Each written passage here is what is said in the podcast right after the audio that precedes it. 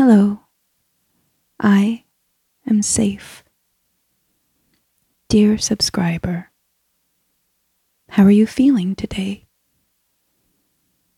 I'm well aware that you have preferred to postpone this moment, but given the situation, I was forced to come. It was a matter of extreme urgency. A code YMD, they said, so I couldn't really say no. Disappearing is now forbidden by law. So here I am. And before we start this brief encounter, I must ask you to stop whatever you are doing. It would be better if you sit comfortably, but you can also stand if you prefer. Pause yourself and close your eyes. Can you do this for me? Good. So, how are you doing considering these circumstances?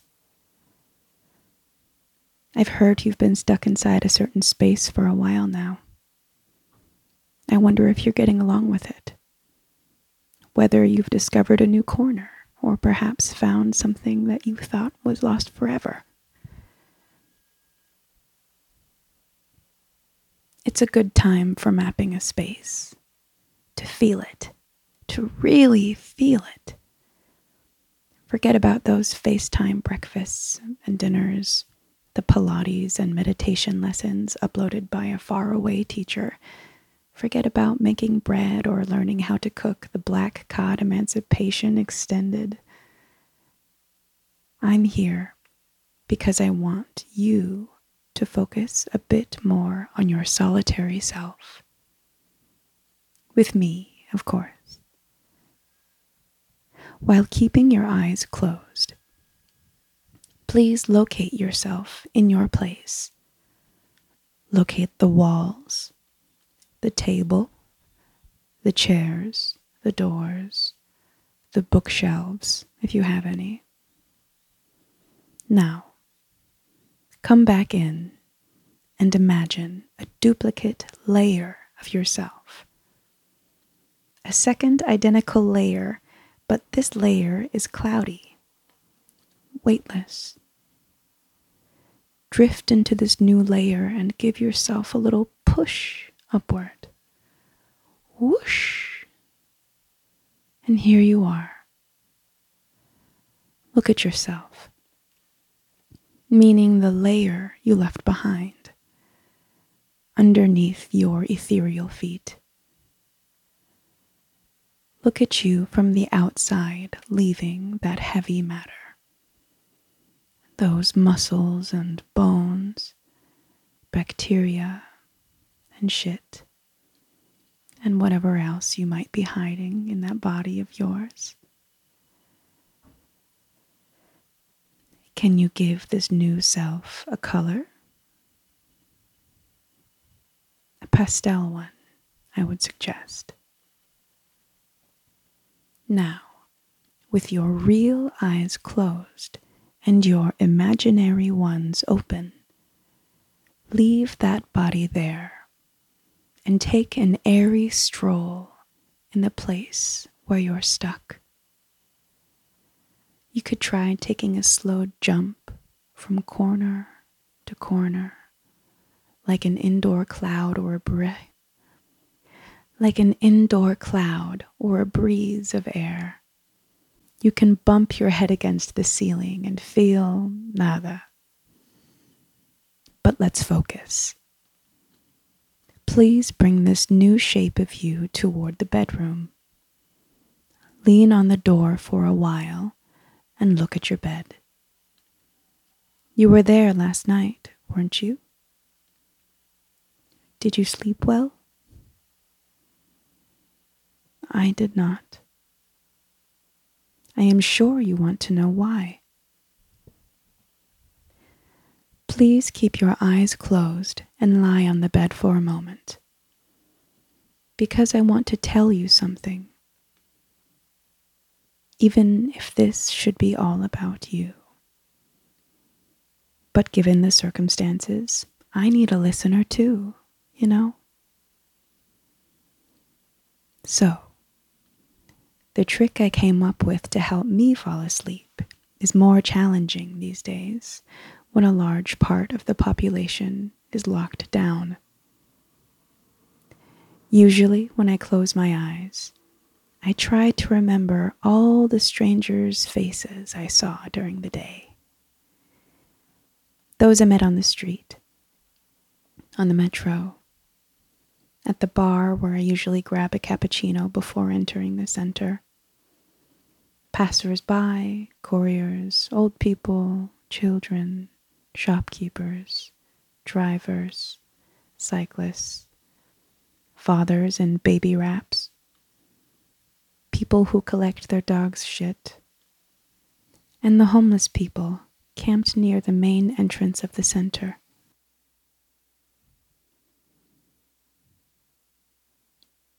Are you still there?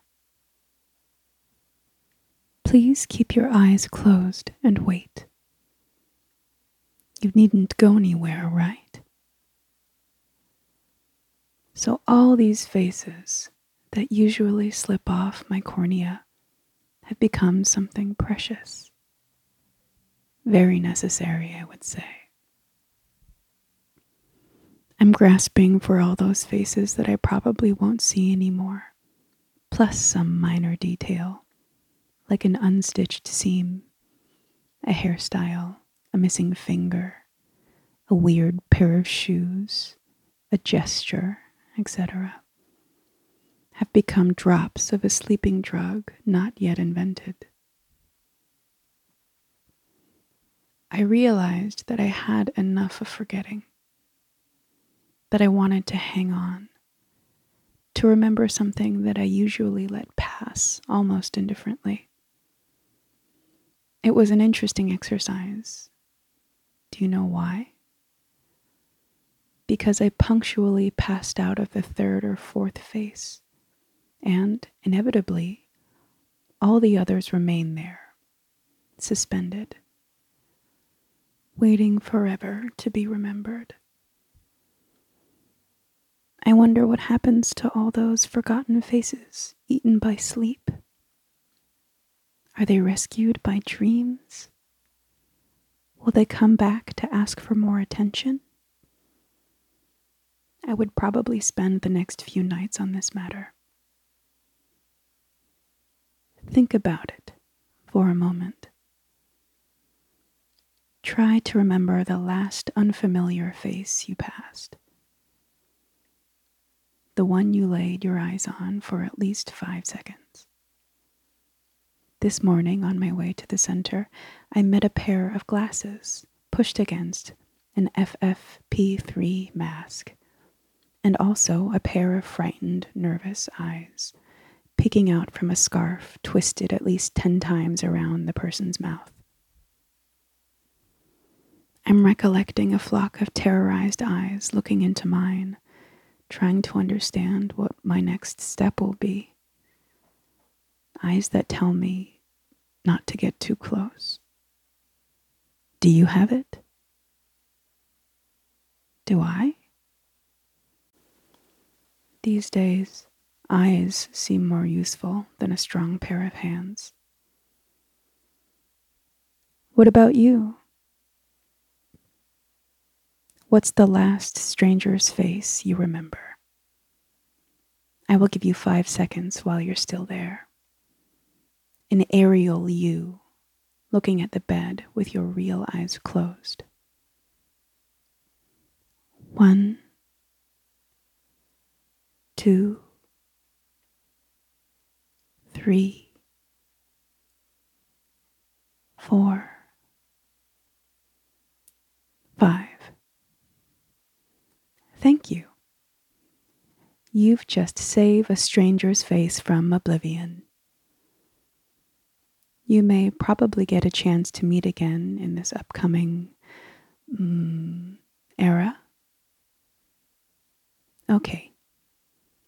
For now, your cloudy double can get up, move away from the bedroom, and head to a window.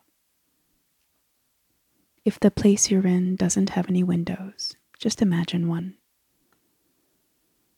The cool thing about this exercise is that you can envision things you can't afford or are extinct, like the Salvator Mundi.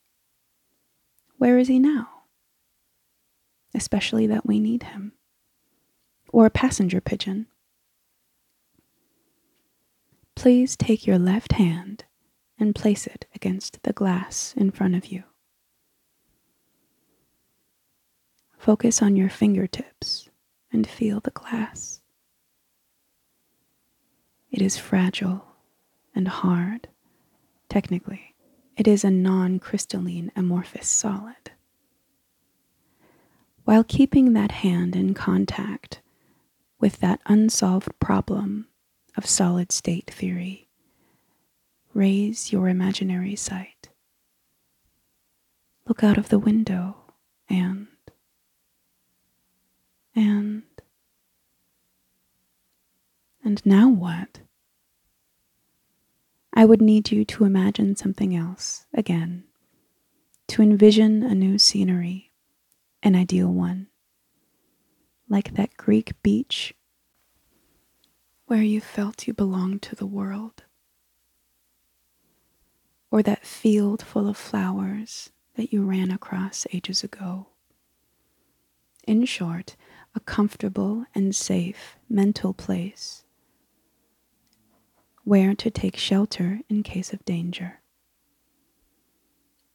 But, my dear subscriber, I have to be honest with you. I'm really not prepared for this. When the center called me back in the middle of the night just a few nights ago, I was struggling to fall asleep. Imagining taking a protection mask off an old woman's face to uncover a reassuring smile.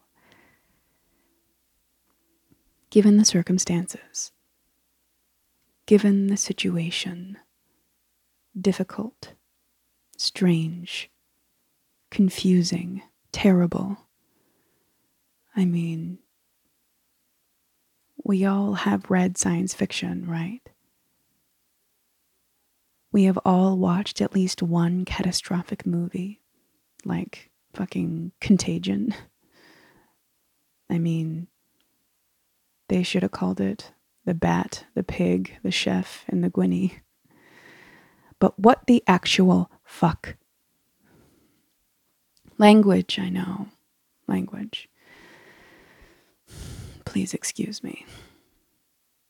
As if on top of all of this, I should lose my job, right? At the center, they just told us to be positive and to spread good vibes only.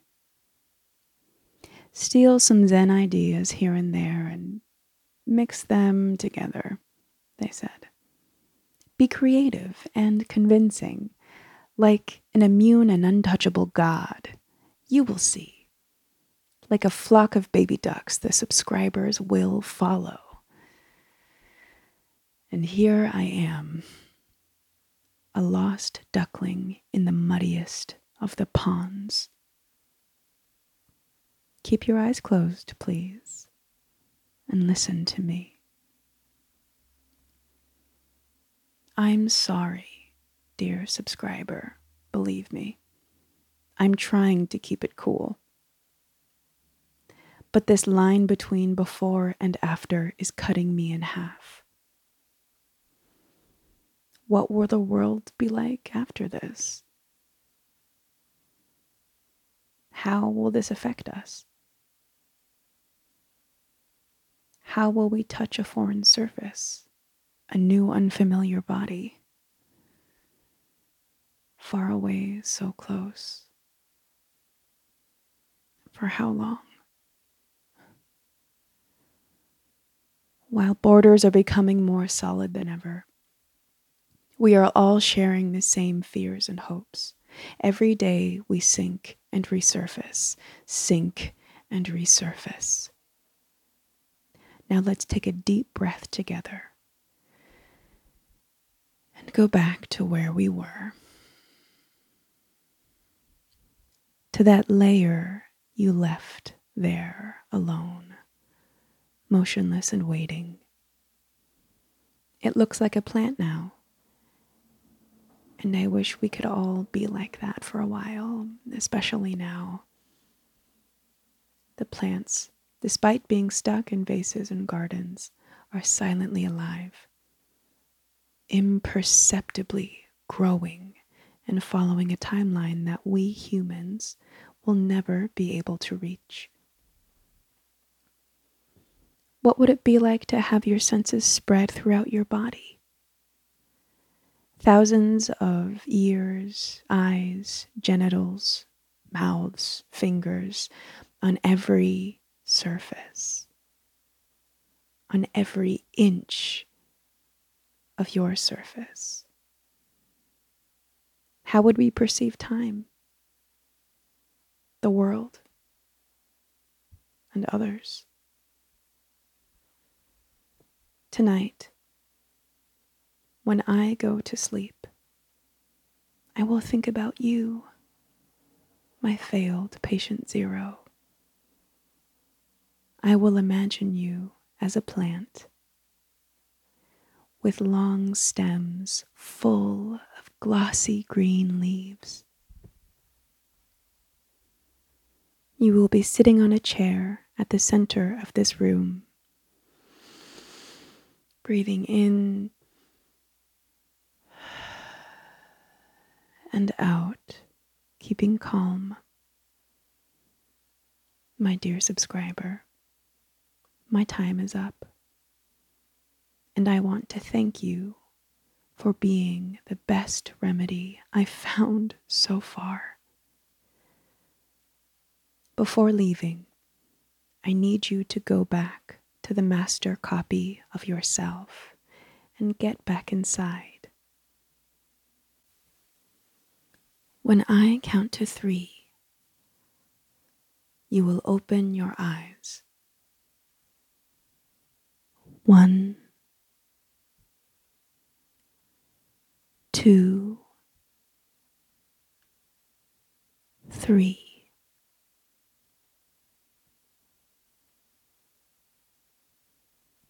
Please remember to be safe and to rate me well. Thank you. Goodbye.